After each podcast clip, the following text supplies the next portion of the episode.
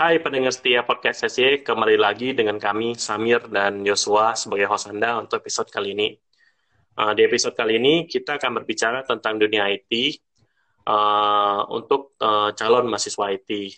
Lalu um, kita akan juga membahas uh, persiapan apa, apa aja sih untuk bisa kuliah ya, di jurusan IT uh, dan tentunya kita pengen tahu kan uh, prospek masa depan uh, dari lulusan mahasiswa-mahasiswa IT di Indonesia.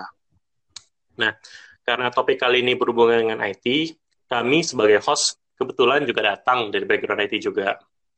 Yosua yang setiap hari uh, bekerja dengan data, uh, mungkin kita panggil data, uh, data guy, dan saya yang kebetulan juga seorang software guy.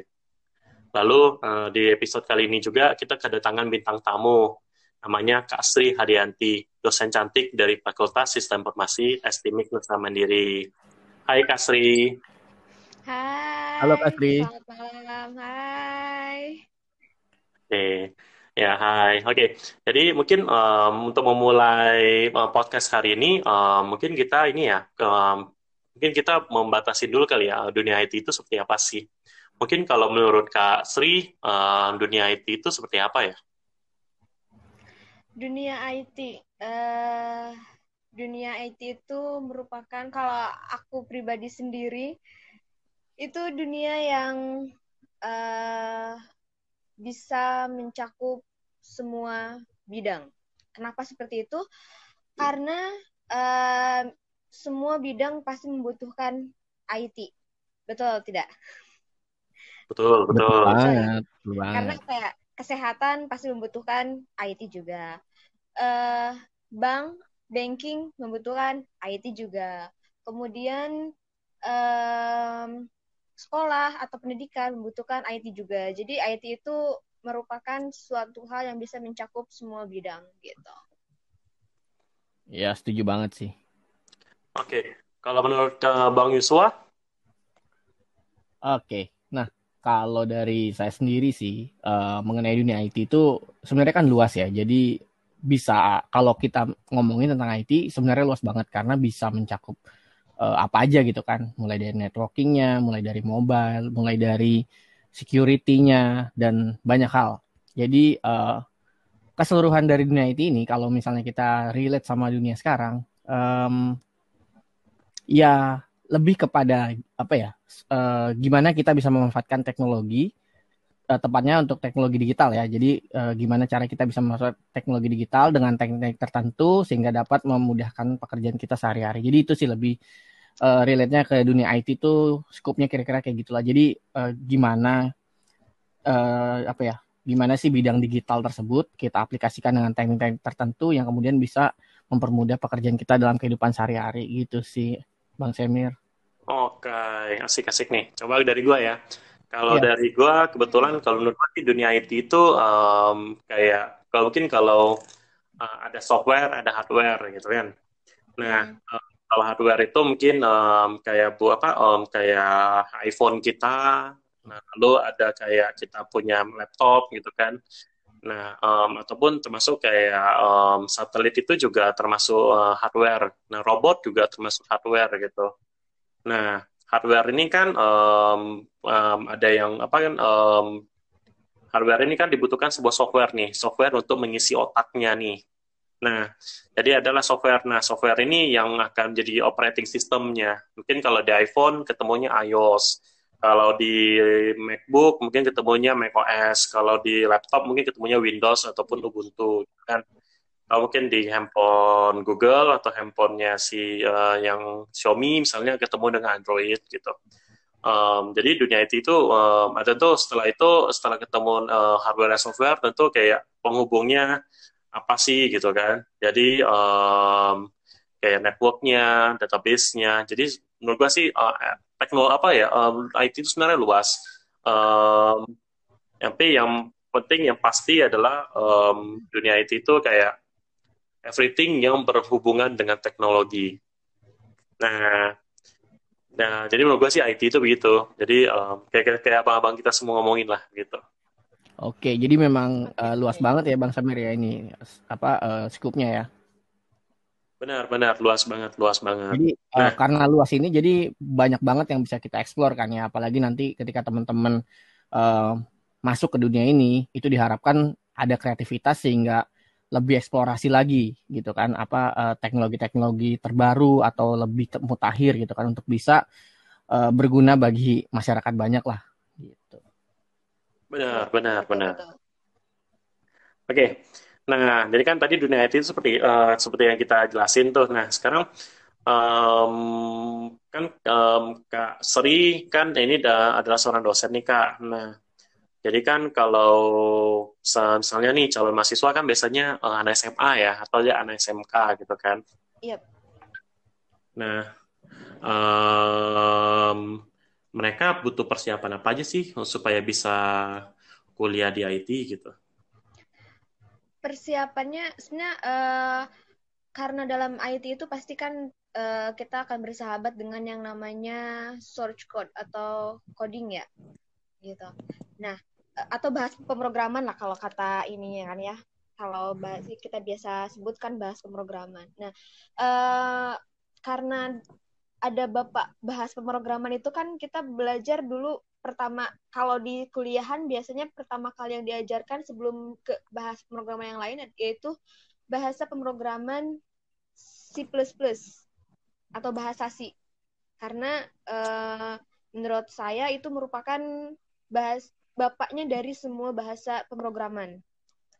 Gitu. Itu uh, menurut saya itu yang harus perlu di uh, dipahami terlebih dahulu sebelum masuk dunia kuliah. Karena pengalaman saya dulu uh, jujur saya bukan backgroundnya dari IT bukan SMA atau SMK yang jurusannya dari RPL atau dari TKJ saya anak seni rupa jujur aja.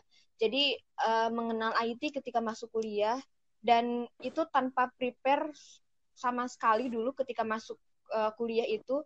Dan itu kayak merasa masuk ke neraka alias nggak tahu apa-apa gitu. Tapi uh, jujur kalau misalkan kita menguasai bahasa si-nya itu, maka untuk bahasa-bahasa lain kita akan mudah memahami. Itu sih. Hmm.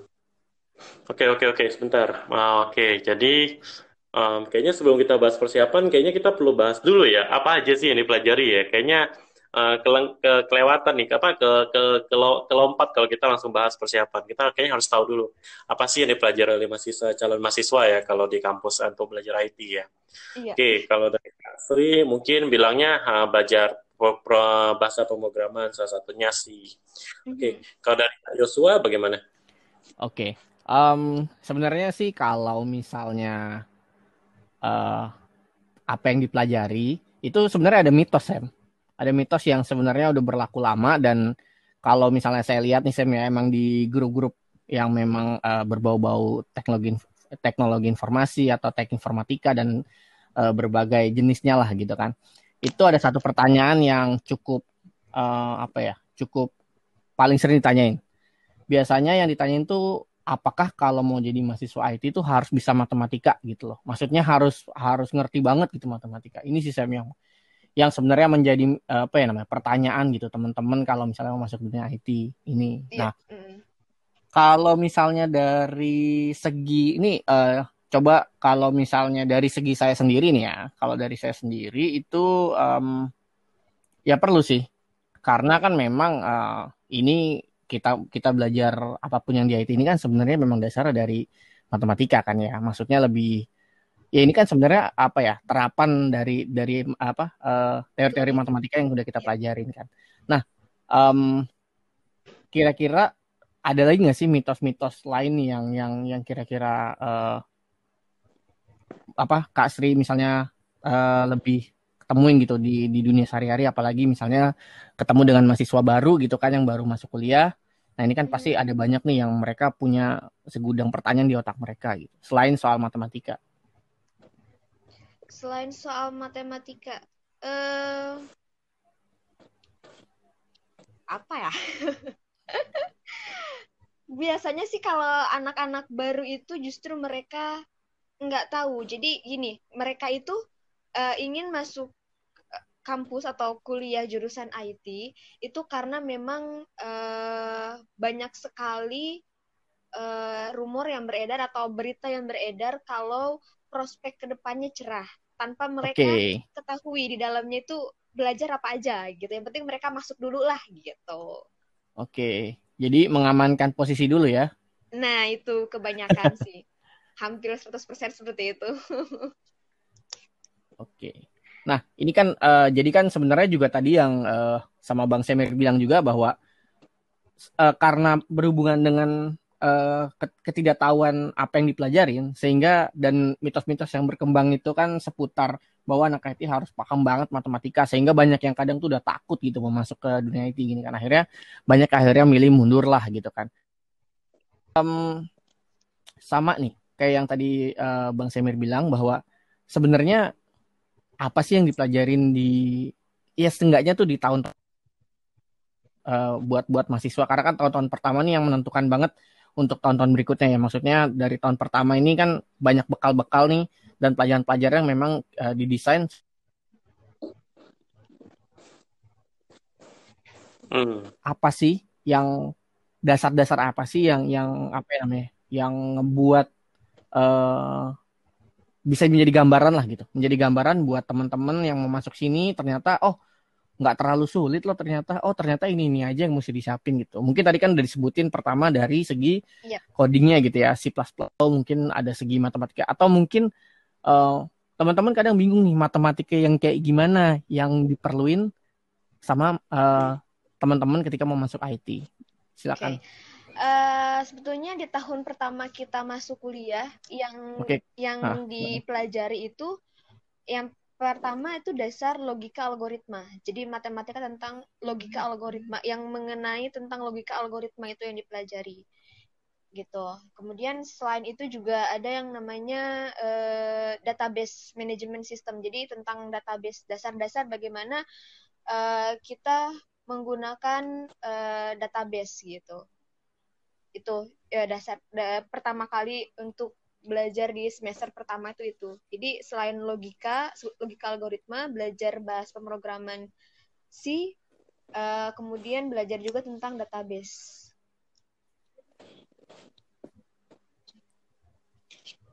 Oke. Okay. Oke. Okay. Sam, kalau oh iya ya menarik nih kalau selama gue karena gue kita kan kayak kayak kita bilang di awal kan karena gue kan juga software guy nih nah kebetulan waktu gue kuliah dulu di kampus yang di awal tuh yang gue pertama kali belajar benar tuh logika logika algoritma tuh algoritma lah kalau ya, kita algoritma. bilangnya algoritma hmm. nah algoritma tuh um, kita dua semester deh dua algoritma itu selama dua semester tuh dipelajarin kuat banget dari bikin apa? Dari ngolah array dari bikin dari bikin validasi. Yang penting algoritma sebagai dasar tuh uh, yang penting dan diolah banget di kampus gue dulu sebelumnya.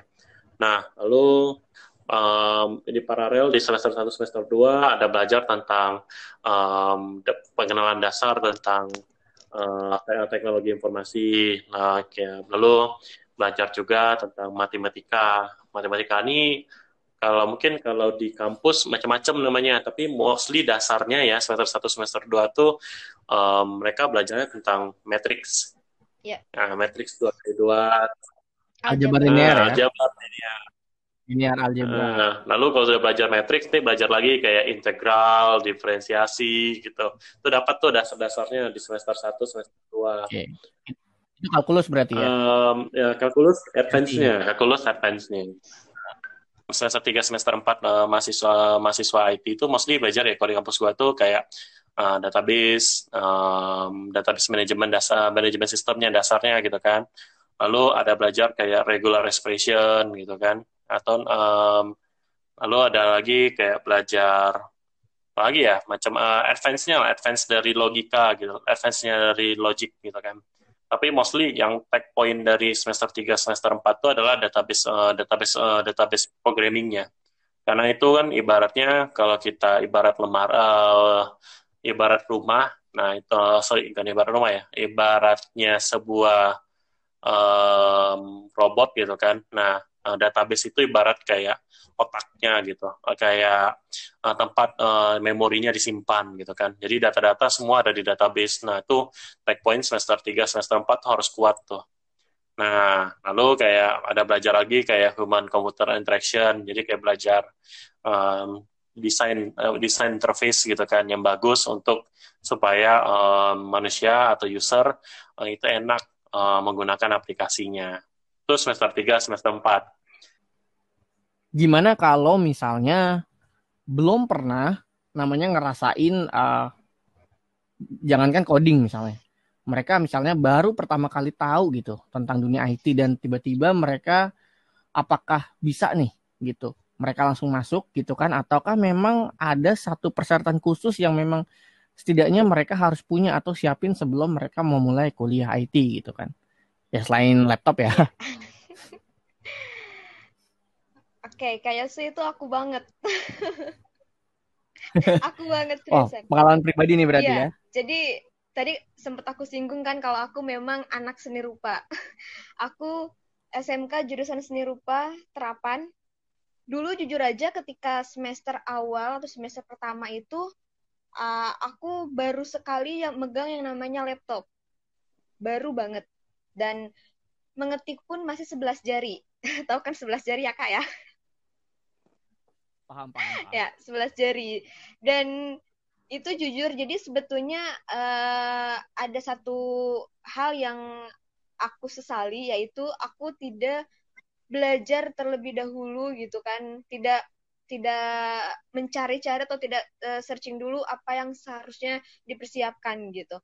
Uh, yang tadi sebetulnya kalau menurut aku tidak ada persyaratan khusus tidak ada persyaratan khusus untuk uh, kuliah di IT. Yang pasti yang harus uh, dipersiapkan adalah keyakinan aja. Benar-benar mau tidak masuk dunia IT karena memang kita bukan backgroundnya dari IT gitu. Karena kalau sudah yakin seperti itu, ketika masuk uh, mendapatkan beberapa mata kuliah yang baru kita kenal temui gitu ya kita harus siap gitu dan belajarnya mungkin lebih ekstra daripada teman-teman lain karena uh, dulu pengalaman pribadi saya ketika pertama kali belajar tentang logika algoritma kemudian belajar tentang bahas bahas pemrograman itu perlu memerlukan waktu yang ketika orang lain bermain ya di situlah waktu kita untuk uh, belajar lebih giat lagi agar bisa menyeimbangkan dengan teman-teman lain gitu. Oke, cukup menarik ya. Berarti memang uh, bisa ya berarti ya. Berarti memang uh, bisa aja untuk teman-teman yang mungkin aduh nggak tahu nih belum pernah sentuh-sentuh nih bidang IT sebelumnya atau matematika saya yang nggak gitu bagus tapi tiba-tiba saya lulus nih gitu kan waktu saya dites uh, ini itu kemudian masuk IT dan saya lulus gitu dan sebenarnya oke-oke aja ya. Iya. Oke. Jadi nggak ada terlalu masalah yang signifikan asal punya keyakinan gitu ya Kasri iya, ya. Iya betul, asal ada keyakinan aja. hmm, benar-benar menarik nih ya. Jadi asal ada keyakinan ya. Dan tentunya doa dari orang tua. nah gitu, doa restu. Okay. Nah, um, oke. Okay. Tadi kan uh, kita bicara kayak persiapan ya, uh, paling mempersiapkan uh, diri, lalu uh, apa mengetahui apa aja sih yang dipelajari oleh mahasiswa gitu kan. Nah, lalu mempersiapkan kayak alat-alatnya. Nah, lalu kalau kita mau masuk kuliah gitu, masuk kampus kan itu ada beberapa jalur ya biasanya ya. Ada jalur iya. normal, jalur beasiswa, sama jalur prestasi mungkin um, Kak Sri sama Bang Yosua uh, punya pengalaman gitu tentang jalur-jalur ini, mungkin bisa memberikan kayak nasihat buat um, uh, calon-calon mahasiswa kita nantinya. Dari siapa dulu nih? Dari Kak Sri dulu. Kak Sri aja nggak apa-apa. Aku, oke. Okay. Uh, eh, aku kebetulan dulu, alhamdulillah, ketika masuk kuliah itu melalui jalur prestasi. Uh, Walaupun keren juga uh, walaupun dulu memang uh, sekolah bukan jurusan IT tapi alhamdulillah waktu itu jujur uh, ketika SMK karena SMK-nya aku itu kan kalau SMK kan otomatis di apa namanya dipersiapkan untuk ke dunia kerja kan ya nggak mungkin ke dunia kuliah kalau SMK itu seperti itu. Tapi dulu tuh aku berkeyakinan aku nggak mau kerja aku tuh pengennya kuliah karena aku ingin keluar dari zonanya uh, masyarakat yang ada di kampung aku gitu. Dan akhirnya tekad itu ada ada tawaran dari kampus dari kampus yang sekarang aku uh, berdiam diri uh, di STM Kanusa Mandiri itu. Jadi ada program yang namanya kuliah gratis beasiswa prestasi dari D3 sampai S2 free 100%. Nah, wah. Itu menarik juga itu ya. Iya, itu itu sangat membuat kayak bener nggak sih? Bohong nggak sih? Uh, ini prank bukan sih? Kalau dulu kan bukan bahasa prank ya bahasanya. Kayak ini tuh bohongan mimpi atau enggak gitu. Karena ada beasiswa yang langsung sampai S2 gratis pula gitu. Tapi alhamdulillah memang itu bukan sekedar hoax. Memang betul uh, aku kuliah dari D3 sampai S2 itu free tanpa biaya apa pun. Gitu. Dan itu pengalamannya dulu memang kalau prestasi kan pasti ada tes.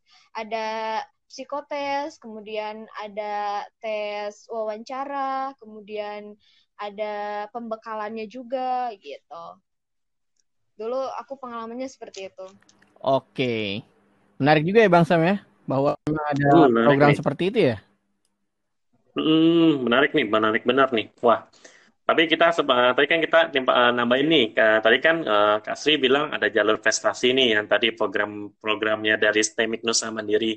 Kalau boleh tahu, STEMIK Nusa Mandiri ini uh, buka uh, jurusan apa aja sih untuk IT-nya?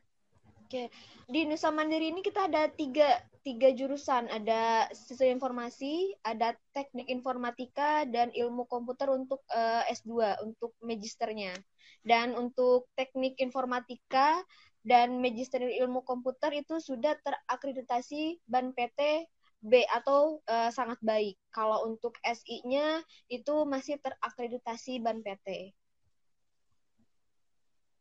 Hmm, I see. Itu dia tuh ya. Jadi buat teman-teman yang mau coba gitu kan uh, ikutin jalurnya Kasri bisa dicoba tuh ya program-programnya tadi ya bahwa ada apa tadi langsung dari D3 sampai S2 ya kalau nggak salah ya. Itu free ya? Iya. Ya. Free, free. Oke, jadi uh, memang tadi yang sudah kasih disampaikan dan juga Sam sempat kasih info bahwa memang ada jalur-jalur khusus ketika kita mau masuk kuliah. Ya ini sebenarnya nggak cuma untuk IT doang ya, tapi bisa untuk ya untuk kuliah-kuliah yang lain. Tapi kita uh, karena kita spesifik di IT ini dan ya sama lah tipikal dengan uh, kuliah-kuliah yang lain gitu kan. Nah tapi ada rumor nih, um, tapi bener nggak ya kalau misalnya kita pernah punya pengalaman menang nih misalnya di kompetisi lomba tertentu uh, lombanya pasti bukan bukan lomba yang aneh-aneh ya misalnya lomba balap karung gitu bukannya tapi misalnya lomba yang memang relate sama IT misalnya lomba web design ke atau misalnya lomba uh, bikin program apa atau lomba programming itu bener nggak sih kasih kira-kira uh, ada jalur khusus gitu buat yang memang ber ada ada. Kalau di STMIK Nusa Mandiri itu sebetulnya bukan hanya jalur prestasi tapi ada juga jalur talenta jalur talenta sama jalur uh, tadi prestasi ya. Nah, jadi kalau talenta itu kalau misalkan dari adik-adik uh, pendengar semua yang pernah ikutan lomba misalkan website kan suka ada tuh ya zaman SMA itu lomba website uh, tingkat kota atau misalkan tingkat uh, sesama apa sih antar sekolah gitu. Itu bisa diajukan gitu. Nanti ada beasiswa biasanya diberikannya uh, ada yang 100%, ada yang 50%. Enak juga ya kalau di STP Nusa Mandiri ya, banyak juga beasiswanya. Sama jalur prestasinya juga ada nih. Kalau jalur normalnya gimana Kak Sri? Jal kalau jalur normal, kalau di STEMIK Nusa Mandiri itu mungkin kalau di beberapa kampus lain itu kan uh, ada tesnya ya, tes untuk masuk ya. Nah, kalau di STMIK Nusa Mandiri itu itu kita uh, hanya mungkin ada ada kita ada aplikasi namanya PMB Nusa Mandiri. Nah, di sana kita bisa langsung daftar saja. Setelah itu kita bisa download KRS lalu kita tunggu uh, masa orientasi. Lalu bisa langsung masuk kuliah. gitu jadi nggak nggak terlalu sulit sih nggak nggak harus uh, deg-degan dag-dig deg tidak jadi bisa uh, masuk gitu oke okay.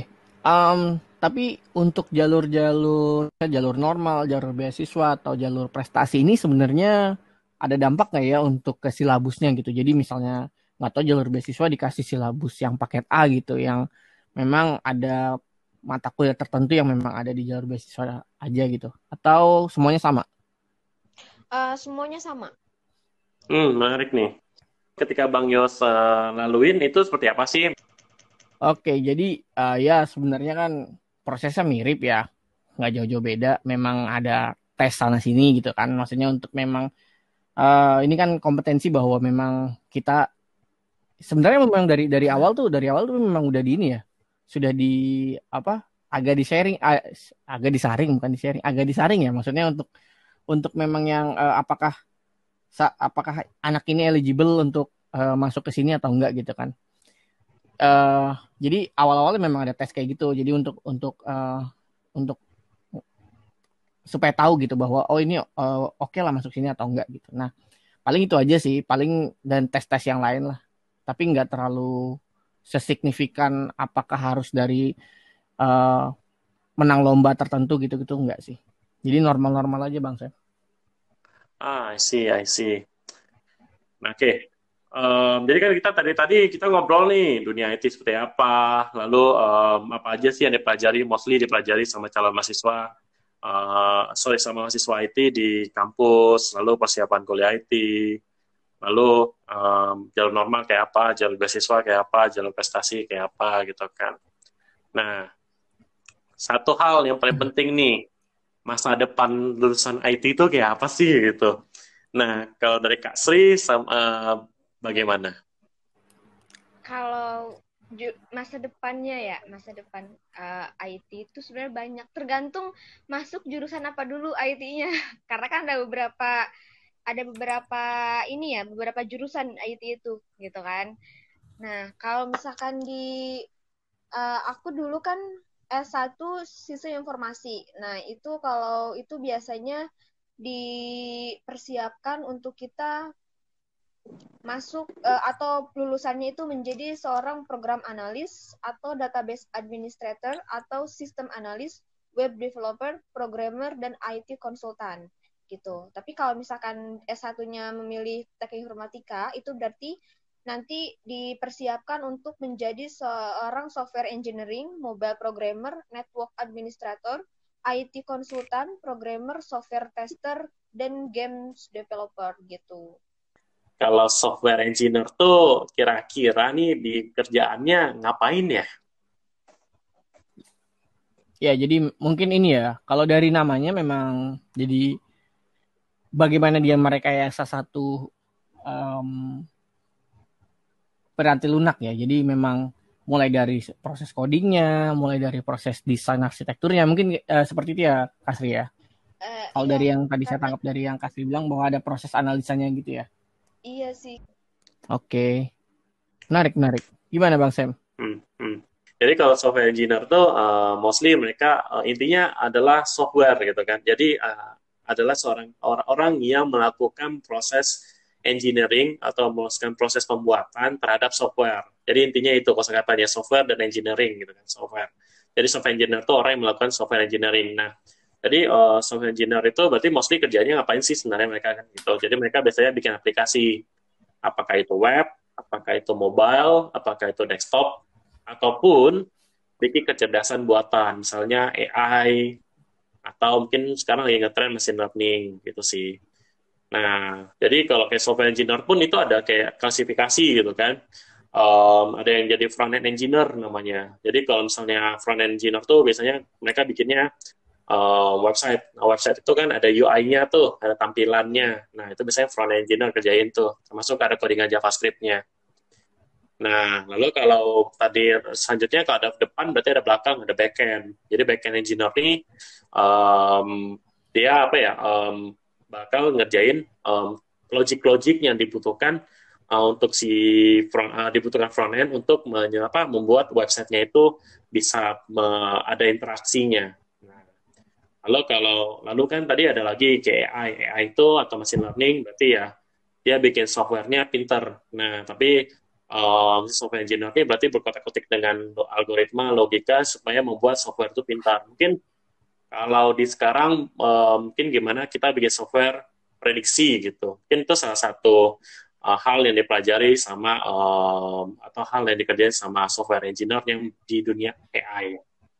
Nah, tapi tentunya nih software engineer kan tadi ada front end, back end, AI gitu kan. Kembali lagi, tadi kan kita ada bicara database kan. Nah, jadi ada namanya database uh, engineer. Ya, database engineer nih um, atau database administrator juga sama sih. Intinya dia ngurusin semua yang berhubungan dengan database. Um, mulai dari bentuk tabelnya, mulai dari uh, ngisi datanya, termasuk bagaimana mempercepat proses pencarian data. Nah, lalu nah setelah itu mungkin ditambahin lagi, tadi ada network, yang mungkin yang jaringan, tapi kalau software engineer untuk jaringan sih agak jarang ya, karena um, paling yang nyari-nyari kayak perusahaan besar, Cisco gitu. Dan nanti intinya kalau software engineer untuk jaringan, uh, dia setup sesuatu supaya jaringan itu bergerak, berjalan. Nah, lalu kalau ada lagi satu ilmu cabang baru namanya infrastructure atau DevOps. Jadi um, kerjaannya mereka ngapain sih si DevOps atau infrastructure nih? Jadi kan ada front end, ada back end, ada database uh, engineer kan atau database administrator, lalu ada AI engineer tuh. Mereka kan butuh tempat nih meletakkan hasil kerjaan mereka, hasil uh, meletakkan software mereka. Nah, si DevOps atau infrastructure ini yang ngurusin tempatnya di mana. Nah, jadi intinya itu sih. Jadi kalau software engineer tuh lumayan banyak sih uh, cabang-cabangnya. Ada front end, ada back end, infrastructure, ada network engineer juga, database database engineer database administrator, sama AI engineer. Itu sih kalau gue yang tahu ya kalau di software. Nah, nextnya ini kita coba nanya nih, uh, Bang Yosua kan uh, data nih, orang data nih. Nah, kalau lulusan IT dari sisi data, bagaimana Om Yosua? Oke, okay, uh, ya benar benar. Jadi gini, um, setuju tadi juga udah disebutin sama uh, Kasri bahwa ya software engineer dan juga tadi dia jelasin juga sama Bang Sam tentang software engineer. Jadi memang sekarang kan memang lagi apa ya namanya? Lagi terkenal lah ya di mana-mana tuh soal data, data-data dan di mana-mana tuh uh, bermunculan artikel-artikel mengenai data science, ilmu data dan segala macamnya. Dan memang pada dasarnya sebenarnya uh, data ini kan karena apa ya namanya ini ini sesuatu yang dari lama bang Sam. Jadi bukan bukan sesuatu yang baru tapi memang lagi apa ya terkenal aja sekarang ini karena mungkin banyak faktor ya. Uh, mulai dari storage makin murah data yang di kita data yang kita generate juga makin banyak dan faktor internet dan segala macamnya. Nah um, data ini pun perlu diolah gitu ya. Jadi makanya ada berbagai uh, profesi yang tugasnya ngolah data gitu kan. Nah, mengolah ini kan juga masing-masing mulai dari pengolahan uh, dari bentuk mentah uh, ke bentuk yang udah di, udah udah mateng gitu kan untuk untuk bisa kemudian dikonsum gitu kan. Ada yang tugasnya mungkin bagian melihat datanya kemudian bisa mentranslasikannya menjadi beberapa insight gitu kan atau beberapa wawasan-wawasan yang bisa digunakan untuk uh, misalnya untuk menambah profit dari satu perusahaan dan segala macamnya. Nah, uh, kalau misalnya biasanya sih uh, teman-teman yang yang biasanya suka sama software itu juga bisa langsung jadi data engineer. Jadi data engineer sebenarnya nggak ada spesifik data engineer sendiri nggak ada, tapi memang karena ini kan sebenarnya berangkat dari software engineer ya, software engineer khusus buat data gitu. Kalau mungkin tadi di awal kan kita juga udah sebut ada yang namanya um, bagian dari game development ya, program khusus game development tadi ya, ya, kuliah khusus program game development. Nah, ini kan sebenarnya sama aja software engineer tapi khusus ke bagian pembuatan game gitu ya. Nah mungkin kalau data engineer ini lebih software engineer pada dasarnya software engineer biasa yang kemudian fokus khusus ngurusin data aja gitu. Jadi mulai teknologi apa aja, tekniknya tekniknya gimana untuk khusus ngolah data gitu kan. Nah uh, dan profesi-profesi lainnya kayak data scientist, data analis ini juga sebenarnya berangkat dari teman-teman software engineer juga yang mungkin uh, lebih menguasai uh, misalnya statistik atau misalnya uh, matematika yang lebih advance lagi gitu ya. Karena kenapa saya bilang software engineer walaupun kelihatannya kayak oh mungkin mungkin ada yang punya argumen bahwa ah kayaknya nggak perlu jago-jago banget deh gitu kan. Uh, untuk untuk tahu proses software engineer dan segala macamnya tapi perlu digarisbawahi bahwa ada beberapa kemampuan-kemampuan software engineering yang memang harus dimiliki gitu. Mulai dari querying ke database gitu kan uh, mereka harus bisa merangkai SQL SQL query gitu kan ke dalam database. Karena kan data ini berhubungan biasanya tentang ke apa ya namanya database lah gitu kan.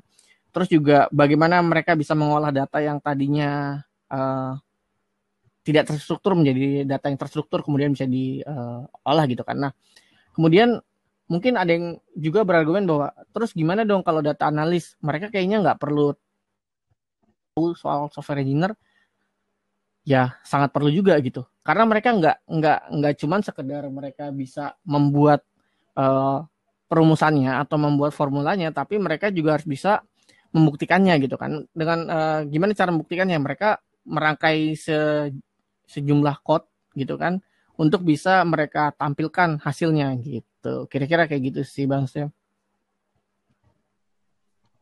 Oke, oke. Jadi um, tadi kan kayak Bang Yosua bilang ada data guy kan, lalu Kasri juga uh, dosen IT itu. Jadi kalau lulusan IT, mahasiswanya bisa jadi dosen juga tuh. Jadi sharing lagi ilmunya. Nah, jadi um, sebenarnya ada lagi nih yang bro uh, di luar dari uh, software dan data ataupun jadi dosen. Jadi kalau di sekarang ada namanya pra, tim product management. Jadi tim product ini dia um, dia adalah apa uh, di dalamnya itu ada tim namanya product manager. Jadi lulusan IT um, yang pengen bikin produk gitu misalnya bikin aplikasi kayak uh, Traveloka atau Gojek gitu kan. Nah, tentu dong produk mereka harus ada yang uh, manage dong. Nah, yang produk ini yang manage namanya product manager. Jadi dia ngatuin fitur-fitur apa aja sih yang harus dibikin, lalu ke uh, segmentasi customernya. Nah, itu lulusan IT bisa jadi uh, product manager. Itu bisa turunannya dari sistem analis, macam-macam tuh ilmunya. Nah, lalu kayak ada lagi product analis, product analis, uh, analisa produknya, analisa data gitu kan. Lalu ada lagi product designer. Product designer khusus di sini adalah dia bikin uh, timeline sama um, ke depannya uh, aplikasi ini bakal kayak apa, termasuk dia bikin UI UX-nya. Nah, kalau produk marketing ya udah tim yang apa dia adalah orang yang fokus untuk memarketingkan produknya. Itu sih. Lalu kayak um, di luar product management ada lagi sih satu engineer lagi namanya SEO engineer. Nah, SEO engineer nih baru nih. Jadi SEO engineer nih uh, intinya kerjanya adalah dia bikin website kita itu nomor satu kalau di search di Google. Nah, itu kerjanya SEO engineer. Nah, lalu kalau tadi kan uh, keluaran apa ya, um, um, pakai apa ya, keluaran-keluaran lah uh, kalau lulusan IT jadi apa gitu kan. Nah, kalau secara jenjang karir, um, itu ada namanya technical. Lu mau jadi orang lulusan IT ini mau jadi technical expert atau jadi manajemen expert. Uh, intinya kalau teknikal sama manajemen bedanya ada dua. Kalau teknikal lu bakal ngurus benar-benar uh, teknikalnya aja software tekniknya doang. Berarti kayak misalnya kalau software engineer softwarenya doang, kalau data guy datanya doang. Nah kalau manajemen expert berarti ngurus timnya, ngurus uh, KPI-nya, ngurus um, budget budgetnya atau penting yang penting kayak manajemennya lah, manage lah, manage orang. Kalau manajemen expert itu berarti lebih banyak ke manage orang lalu bagaimana uh, mengetahui ada masalah nggak tim dengan tim engineer-nya? Itu biasanya dua karir uh, jenjang karir. Tinggal pilih mau technical atau manajemen tapi mostly semua orang starting dari seorang technical expert dulu. Baru ya mungkin di tengah jalan bisa pindah ke manajemen tergantung uh, kebutuhan dari si perusahaan. Nah bicara-bicara saril uh, jadi kan tadi kan um, kita udah bicara nih um, kerjaannya apa skopnya jenjang karir kan. Nextnya kita bicara salary range-nya. Jadi kalau di um, salary range-nya um, price grade-nya mostly yang uh, kalau di software ya di software tuh mostly yang um, saya tahu itu adalah biasanya di angka 5 sampai 10 juta lalu 11 juta deh kalau di Jakarta itu bisa dapat tuh uh, salary range-nya. Itu cukup lumayan. Kadang ada juga sih yang 12, tapi jarang. Yang lebih dari itu jarang. Um, biasanya starting untuk fresh grad itu 5 sampai 10. Jadi kalau kita semakin jago, uh, kita um, ngolah fondasi apa fondasi kita foundation kita bagus jadi uh, kita belajarnya bagus kita juga algoritmanya kuat nanti uh, everything yang kita sudah invest ke diri kita itu akan berguna tuh kalau nanti salary range-nya di mana gitu. Jadi salary range untuk fresh grad mostly ya untuk lulusan IT sekarang 2020 antara 5 sampai 10 juta.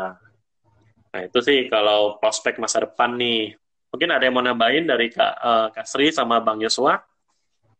Oke, okay, thank you Bang Sam. Jadi uh, memang um, sebenarnya untuk gaji sendiri range um, kita kan bisa lihat ya untuk di uh, di setiap perusahaan kan pasti memiliki apa ya namanya uh, skala yang berbeda-beda ya karena ada yang memang mereka uh, skala besar sehingga bisa memberikan banyak benefit gitu kan. Nah, tapi uh, paling enaknya sih kita ngelihat dari rata-rata uh, apa ya namanya rata-rata yang biasa orang-orang kasih tahu lah gitu kan. Sebenarnya di di di internet banyak banget sih soal uh, dan dan dan ini juga saya dapat dari salah satu website gitu ya jadi memang untuk uh, data engineer sendiri itu uh, berdasarkan berdasarkan salah satu website ini dia bilang bahwa rata-rata itu udah ada di angka 12,5 juta Sam per bulan gitu.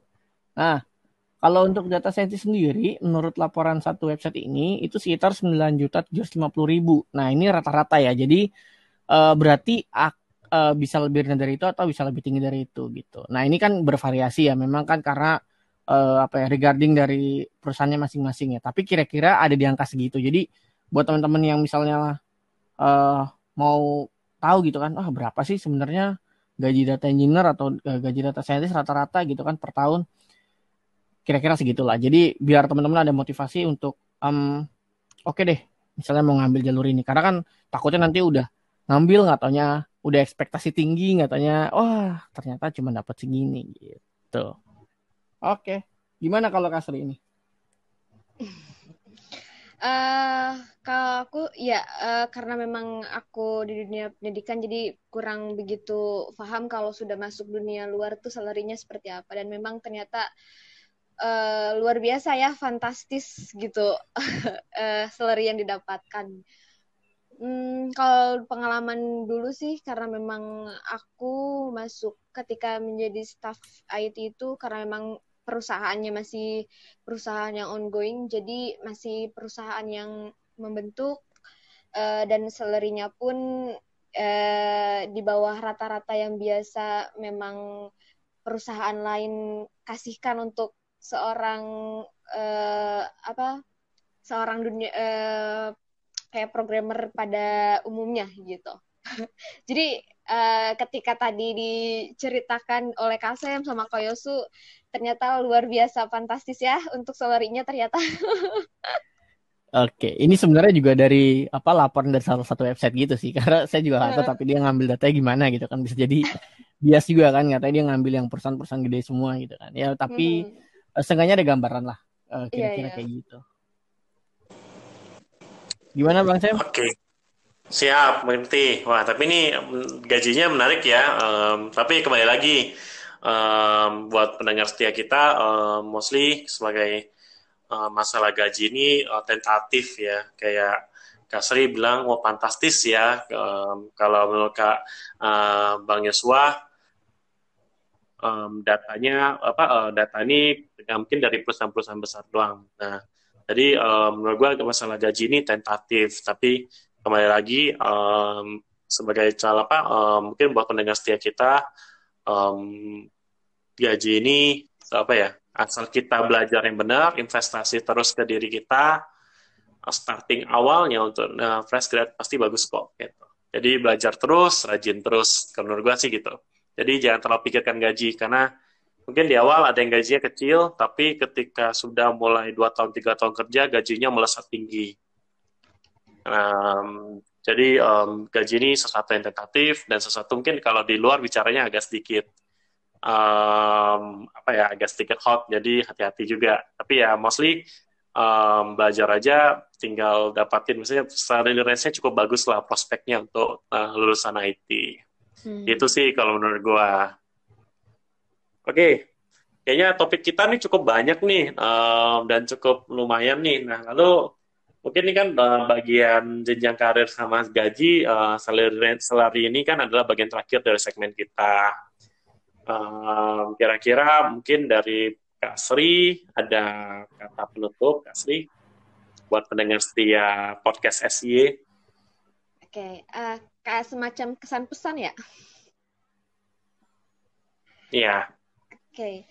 Uh, Oke, okay, pesannya untuk adik-adik pendengar, mungkin khususnya untuk adik-adik yang sekarang kelas 3 SMA yang sedang mungkin bingung, aku nu aku tuh uh, masuknya tuh bidang apa nih yang uh, bagus ke depannya untuk uh, misalkan masa depannya cerah lah kata uh, kebiasaan orang bilang gitu kan. Uh, saran saya adalah banyak-banyak uh, belajar, banyak-banyak ikut uh, komunitas gitu kan. Karena banyak sekali komunitas-komunitas di bidang IT yang bertebaran baik itu di media sosial ataupun di kalau kita searching di Google banyak juga.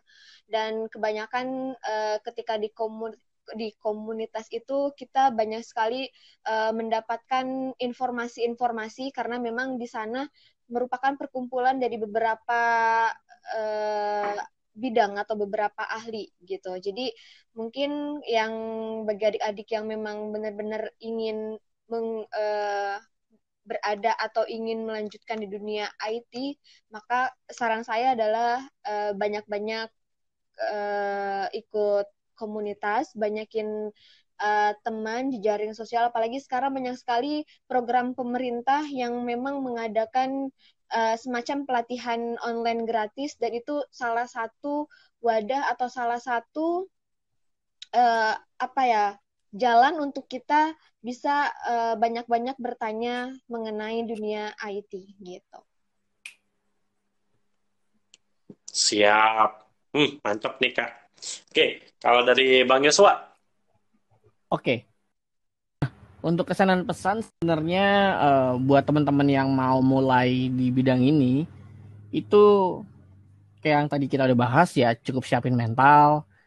Lebih bagus kalau misalnya teman-teman udah mulai start beberapa hal dari dari sebelum kuliah ya itu udah lebih bagus. Tapi uh, ya kalau misalnya teman-teman juga ternyata satu dan lain hal dan akhirnya ya udahlah uh, masuk masuk aja ya wes gak apa-apa. Tadi yang penting masalah tekad yang kuat karena ya kita harus menyelesaikanlah apa yang sudah dimulai gitu kan.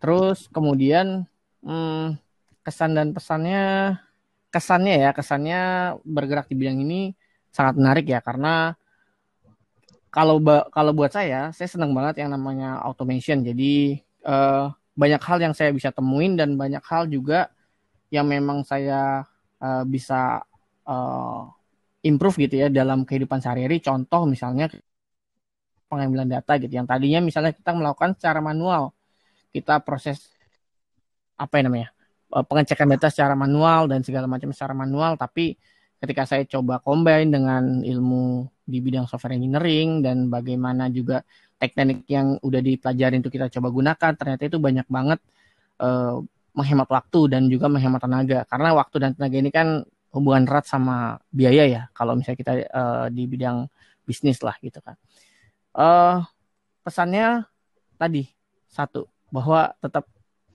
uh, keyakinannya harus dijaga. Jadi benar-benar harus dari awal sampai akhir harus benar-benar selesai gitu. Jadi nggak jangan setengah-setengah juga gitu. Dan juga uh, manfaatin teknologi dan fasilitas-fasilitas uh, yang ada karena sekarang kan belajar nggak harus uh, ter, terpusat sama satu tempat ya. Kita bisa belajar dari berbagai sumber apalagi sekarang zamannya internet gitu kan kita bisa dari online course atau dari buku dan segala macamnya. Itu aja sih Bang Sam mungkin pesannya Bang Sam. Oke, mungkin buat tambahin dikit ya. Kalau buat pendengar setia kita sama calon mahasiswa IT, um, satu hal sih yang harus banyak dilakuin. Selalu banyak belajar sih dan selalu um, rendah hati. Um, karena dunia IT itu selalu berkembang, jadi teknologinya selalu apa ya selalu bertambah berputar maju terus gitu kan jadi untuk calon mahasiswa IT sangat wajib punya satu uh, punya uh, dua hal lah berarti ya dua hal satu rajin uh, mau belajar terus kedua um, apa rendah hati. Yang ketiga, jangan lupa selalu dari awal sampai ujung. Benar, benar. Nah, ini menarik nih Sam. Memang uh, ini mungkin tambahan dikit ya. Jadi memang kalau misalnya terjun ke dunia ini mau nggak mau suka nggak suka harus siap yang namanya continuous learning ya Sam ya. Jadi belajar nggak ada putus-putusnya gitu ya. Karena ya terus berkembang gitu. Ini ilmu ini terus berkembang, terus bergerak arahnya mengikuti perkembangan zaman. Kita justru kitanya yang harus bisa adaptasi dengan uh, teknologi-teknologi baru dan teknik-teknik yang baru gitu ya Sam. Setuju, setuju, setuju. Setuju, setuju Oke. Okay. Siap. Oke lah. Kalau begitu kita sudah berada di akhir segmen nih. Uh, kesan dan pesan juga sudah kita sampaikan. Uh, mungkin dari kita um, um, dari kita hostnya podcast SY uh, Bang Yosua dan saya Samir gitu pengen ngucapin terima kasih banyak buat bintang tamu dosen cantik kita Ibu Sri Hadianti wow. uh, sudah meluangkan waktunya kasih untuk Sri. Uh, okay, ya sama untuk sharing knowledge-nya. ya, oke. Okay.